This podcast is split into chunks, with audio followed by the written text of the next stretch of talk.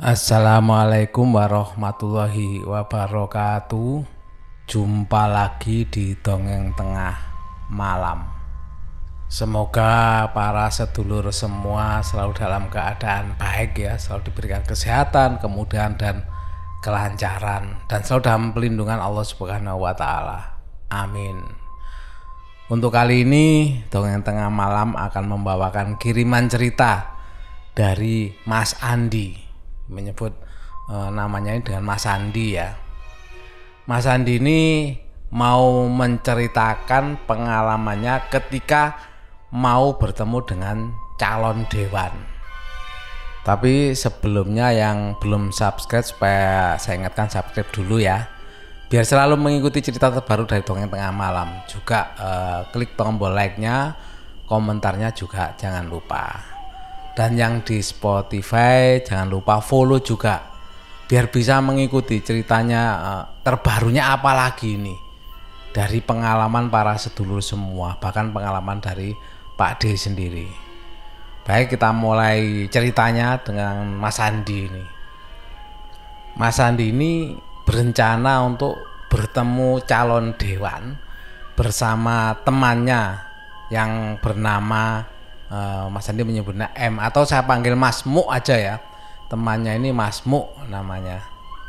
Kejadiannya itu sekitar tahun 2009 saat itu Mas Andi ini sedang berboncengan naik motor ke arah tetangga kecamatan yang kalau ditempuh naik motor itu ya sekitar 20 menitan lah.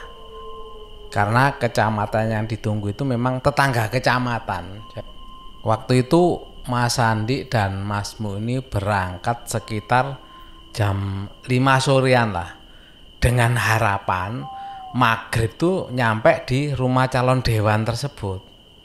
Tetapi karena e, biar cepet nyampe Mas Andi ini nggak melewati jalan umum yang di biasanya orang kalau mau menuju ke kecamatan yang dituju tersebut dan Mas Andi melewati jalan yang yang nggak lazim lah dilewati orang-orang itu menerobos jalur lah dengan asumsi akan lebih cepat sampai ke rumah calon dewan tersebut. Nah, waktu perjalanan itu itu mulus-mulus saja, nggak ada halangan sedikit pun dan tidak ada hal yang perlu dikhawatirkan. Tetapi waktu hendak masuk di lokasi yang mereka tuju, mereka berdua ini dihadapkan dengan tiga jalur. Mereka heran, di jalan ini nggak mungkin ada tiga jalur karena e, Mas Andi dan Mas Mo ini kan memang orang daerah sana. Jadi hafal betul bahwa jalan itu nggak serumit itu gitu loh. Waktu dilihat tiga jalur itu, memang yang aneh itu jalur ini mempunyai karakter sendiri-sendiri. Jadi jalur pertama itu oh, jalannya itu berupa tanah ya. Dan jalur kedua itu berupa paving. Nah, sedangkan jalur ketiga itu eh, bersudah beraspal. Nah, kalau jalur yang beraspal ini Mas Andi dan Mas Mo ini apal betul. Ini memang jalannya itu ya itu harusnya. Dan arahnya kalau jalur beraspal itu arahnya ke kabupaten lain. Sedangkan dua jalur yang masih berupa tanah dan paving ini kelihatannya baru. Waktu itu Mas Andi sama Masuk masih positif thinking lah. Dan mencoba jalur baru barangkali bisa lebih cepat ya kalau memilih jalur kan kalau memilih jalan tanah kan ya milih jalannya lebih enak lah. Jadi eh, Mas Andi dan Mas Mo ini memilih jalur yang berpaving. Akhirnya dicoba masuk. Setelah jalan baru sekitar 20 meter ternyata putus. Masih sudah nggak berpaving lagi tapi berubah tanah yang berwarna kuning dan kelihatannya itu sudah padat sih. Oke lah mereka berdua akhirnya jalan terus karena dianggap jalannya aman lah. Setelah jalan beberapa saat di mana dikira jalan itu aman, tiba-tiba di jalan tuh ada lumpur sedalam separuh ban motornya. otomatis kaget lah Mas Andi dan Mas Mu ini dan segera menghentikan laju motornya. Mas Andi menyuruh turun temannya Mas Mu ini karena dengan lumpur sedalam itu otomatis sulit lah ini untuk dilalui. Dan otomatis Mas Andi berpikir wah dengan kondisi seperti ini pastilah nanti akan terlambat uh, untuk sampai di rumah calon dewan tersebut karena tidak sesuai dengan yang direncanakan. Lah pada waktu melihat jam tangan betapa kagetnya Mas Andi ini. Ternyata perjalanan itu cukup memakan waktu karena yang dirasakan itu baru sebentar uh, Mas Andi ini berjalan bahkan untuk memutuskan lewat jalur paving sampai ketemu lumpur ini nggak memakan waktu lama seharusnya kok jam ternyata sudah menunjukkan jam 7 malam. Ya kaget lah otomatis Mas Andi ini. Kok bisa selama itu perjalanan yang dilalui sampai saat ini. Tapi ya sudahlah. Mas Andi gimana memikirkan supaya bisa cepat keluar dari jalur tersebut. Mas Andi pun mencoba menyeberang pelan-pelan karena nggak ada jalan lain yang bisa dipilih kira-kira kubangan itu kalau panjangnya ya, lebih kurang 15-an meter lah. Akhirnya Mas Andi ya terus e, mencoba jalan. Setelah jembatan, Mas Andi ini lihat ada pat, e, batas wilayah. Mas Andi melihat dengan senter HP ya pada waktu kan kan memang gelap jam segituan ya. Menyalakan senter HP sambil melihat ternyata ada pal batas wilayah karena semakin dekat dengan pal batas wilayah di, dilihatlah dengan senter HP tadi apa tuh betapa herannya Mas Andi ini karena apa karena batas wilayah itu adalah menunjukkan bahwa Mas Andi ini nyampe di kabupaten tetangga. Oke lah ujar. Mas Andi masih masih positif thinking ya. Mas Andi masih belum mau berpikiran macam-macam. Dan terus mencoba untuk melanjutkan perjalanan karena perkiraan Mas Andi bahwa untuk nyampe ke jalan utama perkiraan ya masih satu kiloan lah di depan karena Mas Andi paham betul lokasi daerah itu tetapi ternyata Mas Andi salah perjalanan ini kok lama padahal harusnya kalau bilang satu kilometer nggak lama harusnya sudah nyampe. Tetapi ini sudah jalan, nggak nyampe-nyampe. Ya mungkin salah jalan anggapannya Mas Andi. Karena nggak mungkin lah satu kilometer perjalanannya sejauh itu pasti sudah melebihi satu akhirnya Mas Andi pun sama Mas Bu pun berputar balik. Lah setelah berputar balik nggak lama jalan kok ketemu pertigaan lagi dan yang lebih aneh lagi, pada waktu Mas Andi melihat jam, itu masih tetap jam 7. Wah, dari sini Mas Andi mulai merasakan, wah ini nggak bener ini. Sudah nggak bisa positive thinking lagi. Padahal kalau ngomong dari dia pertama kali melihat jam tangan pada waktu terprosok ya di lumpur itu jam 7 dan melakukan perjalanan sampai putar balik nggak mungkin lah uh, kurang dari satu menit atau kurang dari 10 menit dan jamnya bener masih menunjukkan jam 7 nggak berubah sama sekali. Dan juga pertigaannya ini itu ada tiga pertigaan ya. Itu persis pada waktu beliaunya ini menemukan pertama kali pertigaan ini. Karena yang sudah dilewati adalah jalan berpaving akhirnya Mas Andi mencoba memilih jalan yang bertanah. Karena mau nggak kan harus melanjutkan perjalanan.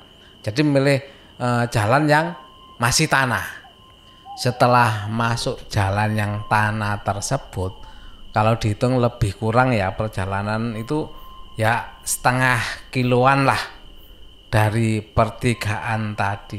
Loh tapi kok ketemu kubangan yang tadi pada waktu lewat jalan paving? Sampai Mas Bu bilang sama Sandi loh kok pancet Mas? Bulet nang kene ae yo mbo iki sik mandek sik. Mas Andi pun berhenti di sebelah kubangan jalan tadi. Padahal dari tadi nggak ada sepeda motor satupun yang lewat ya berhadapan atau di belakangnya Mas Andi waktu itu. Tapi tiba-tiba tidak tahu dari mana datangnya ada pengendara motor berboncengan. Ada empat pasang dan larinya itu agak kenceng lah terus waktu ada kubangan kok tetap kenceng? Mas Andi mikir kok bisa? Akhirnya karena melihat itu Mas Andi bergegas mengikuti dari belakang. Lah pada waktu mengikuti motor otomatis Mas Andi kan mesti melihat motor di depannya. Dan pada waktu dilihat motor di depannya ternyata motor yang jalannya agak kenceng tadi rodanya itu nggak nempel di tanah alias seperti terbang. Makanya jalannya kenceng. Melihat itu ya kaget lah masih langsung oh saking kaget yang Mas Andi langsung menghentikan motornya.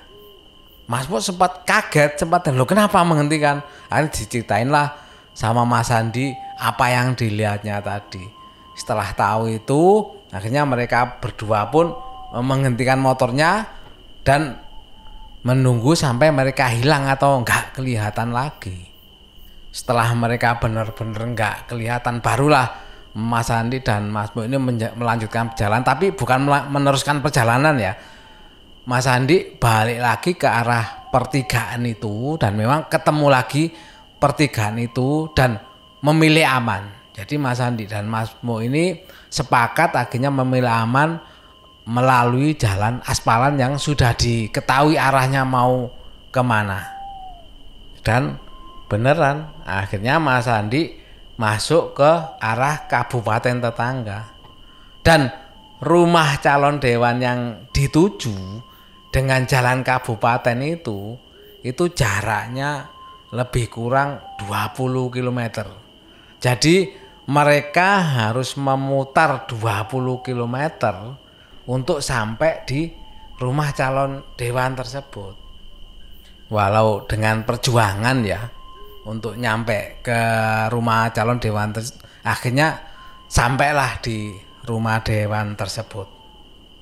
Tetapi sebelum ketemu eh, Mas Andi kan eh, atau bisa dibayangkan lah mereka kan sudah melalui kubangan lumpur, masuk lumpur otomatis bisa kak jala celananya atau ban motornya apa itu kan eh, pastilah kotor semua berlumuran lumpur. Makanya sebelumnya Mas Andi mau membersihkan dulu membersihkan kaki kaki kakinya maupun motornya ya ban-bannya itu untuk dibersihkan dulu. Tetapi ada keanehan lagi di sini. Pada waktu Mas Andi mau membersihkan motornya atau rodanya dari lumpur ternyata kakinya Mas Andi maupun roda ban yang mau dibersihkan itu bersih. Sama sekali tidak ada eh, kotoran lumpur yang menempel di kakinya mak kakinya Mas Andi ya maupun di roda motornya. Bahkan mereka sampai tatap tap tapan bingung Mas Andi sama Mas Mo ini karena apa? Tadi jelas-jelas wis namanya motor pasti kotor lah, tapi ini kenyataannya bersih sama sekali, nggak ada bekas noda lumpur sama sekali. Dan pada waktu melihat jam tangan, jam sudah menunjukkan jam 9 malam. Bisa dibayangkan ya, harusnya bisa ditempuh dalam waktu 25 menit. Tetapi ini bisa 4 jam baru nyampe di tujuan.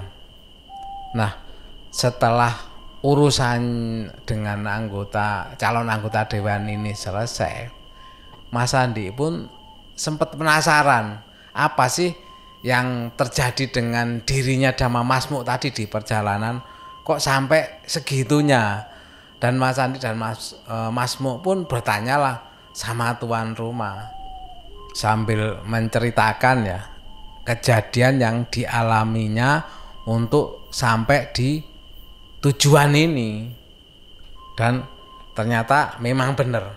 Katanya banyak orang-orang yang e, dibuat bingung kalau lewat dua jalur tersebut yaitu jalur paving dan jalur tanah. Karena memang mereka dibuat bingung sama penunggunya yang ada di situ. Lah untungnya mereka tidak mengikuti pada waktu ketemu ada dua motor ya berboncengan empat orang ya. Kalau seandainya mereka mengikuti mereka nggak tahu mau dibawa ke mana sama penunggu yang ada di situ. Dan kejadian itu ternyata juga nggak nggak baru pertama kali yang dialami uh, Mas Andi sama beberapa orang juga banyak mengalami hal yang seperti dialami sama Mas Andi dan Mas Mu tersebut. Setelah tahu ceritanya seperti itu, Mas Andi dan Mas Mu pun pulangnya sudah nggak berani lagi mau lewat jalan terobosan ya. Dan mereka memilih untuk lewat jalur biasa aja, jalur umum supaya nggak terjadi hal-hal yang tidak diinginkan. Itu tadi cerita pengalaman dari Mas Andi bersama temennya ya yang kita sebut Mas Mo ya. Dan bukan main seandainya kita mengalami di malam-malam yang nggak ada penerangannya jalan yang nggak jelas gitu ya bisa dirasakan ketegangannya seperti apa. Terima kasih Mas Andi atas kiriman ceritanya.